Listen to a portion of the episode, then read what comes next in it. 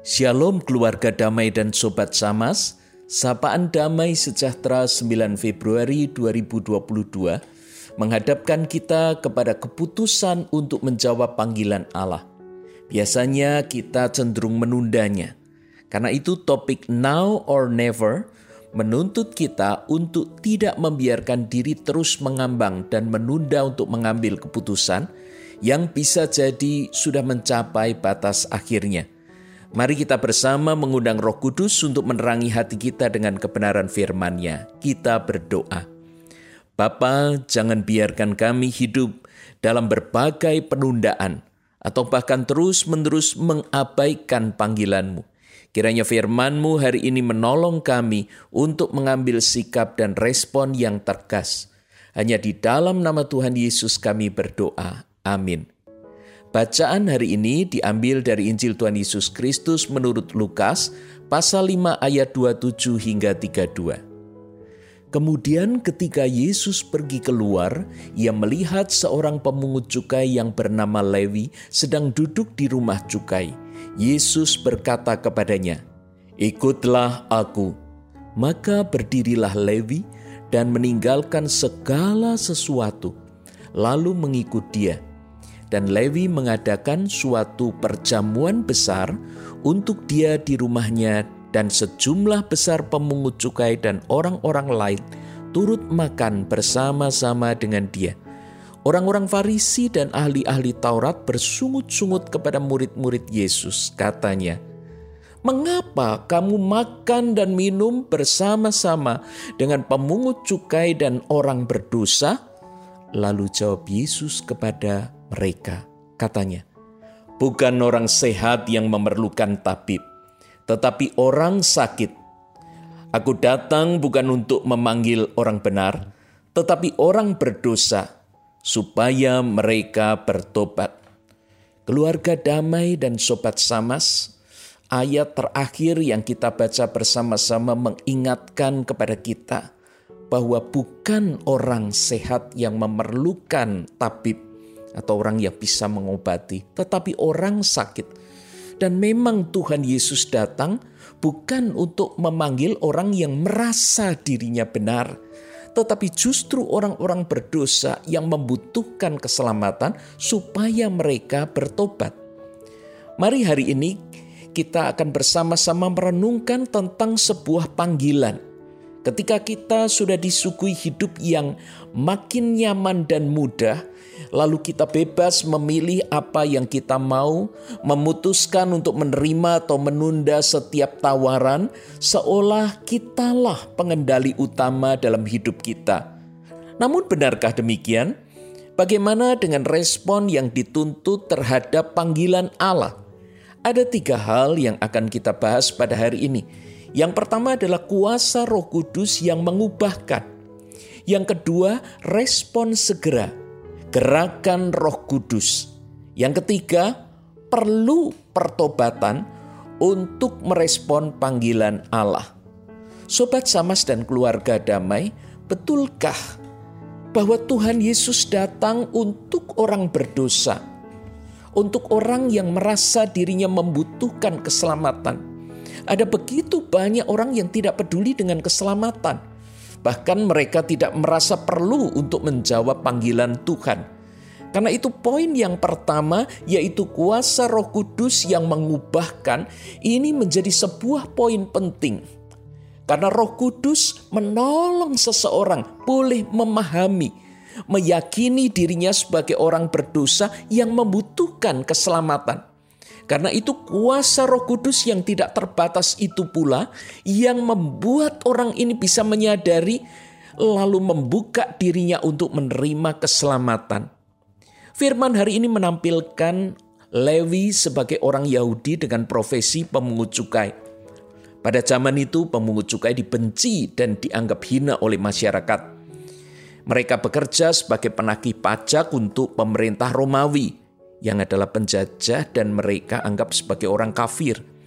Dan pada waktu menagih pajak, pemungut cukai ini memeras rakyat dengan cara menaikkan pajak dan mengkorupsi kelebihannya. Tentu tidak mudah bagi seorang pemungut cukai untuk mengikut Yesus. Apalagi di ayat 28 dikatakan bahwa ia meninggalkan segala sesuatu. Ini sebuah tindakan radikal yang tidak masuk akal. Peristiwa ini menunjukkan bahwa Roh Kudus berkuasa untuk mengubahkan hidup seseorang yang tidak masuk akal tadi. Itu terjadi di dalam diri Levi. Perubahan yang radikal memang bukan perubahan yang setengah-setengah dan hal ini menunjukkan sebuah bukti bahwa tidak ada yang mustahil kalau Roh Kudus itu berkarya di dalam diri seorang. Kuasanya luar biasa, tidak terbatas, sanggup mengubah orang seperti Levi ini sehingga dia tunduk sepenuhnya di bawah kuasa Allah.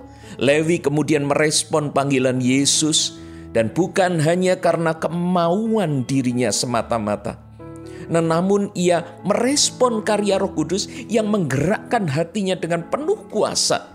Dia tunduk dan dia mau mengikuti bagaimana Roh Kudus menggerakkan dirinya. Kita belajar tentang hal yang luar biasa, bahwa Roh Kudus itu punya kuasa yang sanggup mengubahkan seseorang. Yang kedua, kita belajar tentang bagaimana seharusnya kita merespon segera gerakan Roh Kudus. Apakah ini menunjukkan bahwa manusia telah dapat diperalat atau menjadi robot sehingga kehilangan kehendak bebasnya? Tentu tidak.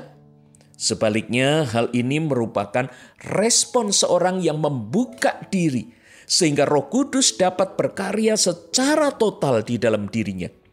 Bagaimana seharusnya sikap seseorang ketika Roh Kudus berkarya di dalam dirinya? Jawabnya adalah menyambutnya dengan antusias yang disertai dengan kerendahan hati. Sehingga dengan demikian roh kudus dapat berkarya secara total.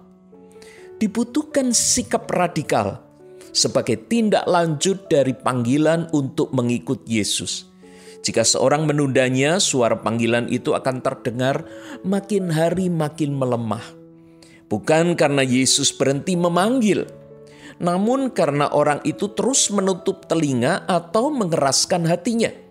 Sikap Levi yang segera merespon ajakan Yesus untuk mengikut dia bukanlah sebuah tindakan gegabah atau emosional yang kelak akan disesalinya karena dia telah membuat satu keputusan yang merugikan Ketika seorang menyambut panggilan Allah dengan mengikuti karya Roh Kudus dalam dirinya, ia akan mengalami hal-hal besar yang telah dirancang Allah dalam hidupnya. Levi yang dicatat dengan nama Matius dalam Matius 9 ayat 9, di kemudian hari kita kenal sebagai salah seorang murid Tuhan Yesus. Mari kita melihat bagian yang ketiga, perlu pertobatan total untuk merespon panggilan Allah. Respon Levi terhadap panggilan Yesus bukan hanya sekedar emosi sesaat, namun juga disertai pertobatan. Hal ini terbukti ketika dia mengundang sejumlah besar pemungut cukai dan orang-orang lain. Karena ini berarti dia berani mengakui keputusannya untuk mengikut Yesus di depan rekan-rekan seprofesinya. Bahkan ada orang-orang lain juga yang menyaksikan hal ini yang bisa jadi kelak akan menjadi saksi atau yang mengkonfirmasinya jika dia kembali melakukan pemerasan. Banyak orang yang mengikut Yesus tanpa sungguh-sungguh bertobat, tidak berani menyaksikan pertobatannya di hadapan orang-orang yang tahu latar belakangnya. Sehingga jika suatu saat ia kembali kepada dosa-dosanya, tidak ada yang bisa mempermalukannya atau dia tetap bisa berperan ganda dalam kehidupan lama dan kehidupan barunya.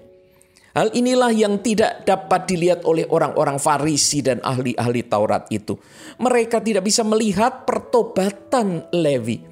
Alih-alih bersuka cita, para Farisi dan ahli Taurat itu justru menganggap Tuhan Yesus mencemarkan diri bersama dengan orang-orang berdosa karena dia makan dengan mereka seperti dua sisi mata uang. Pengikut Yesus yang baru memang harus benar-benar mengalami pertobatan total.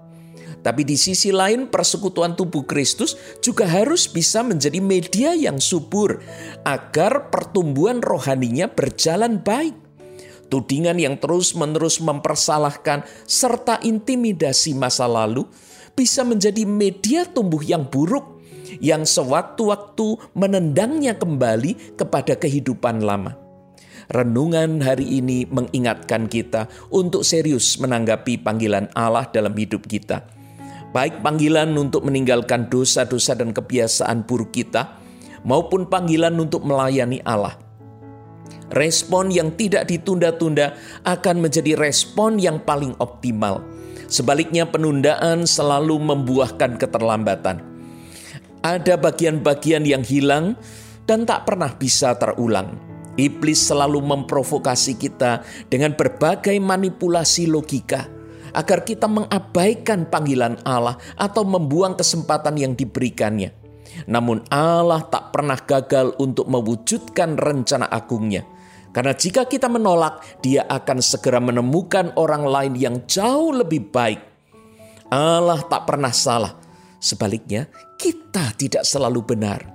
Dialah yang paling tahu dan berdaulat atas hidup kita. Nilai tertinggi yang mungkin kita capai dalam hidup ini hanya pada saat kita menangkap dan mengerjakan panggilan Allah secara maksimal. Mari kita bersama berdoa memohon pimpinan Allah untuk mengenali panggilannya. Bapa, tolonglah kami agar dapat menangkap tiap panggilanmu dengan jelas Lepaskan segala ketakutan kami untuk memberi diri secara total. Dan jangan biarkan seorang pun menghalangi respon kami untuk memenuhi panggilanmu. Hanya dalam pimpinan Kristus kami menyerahkan ketaatan kami mengiring engkau. Amin.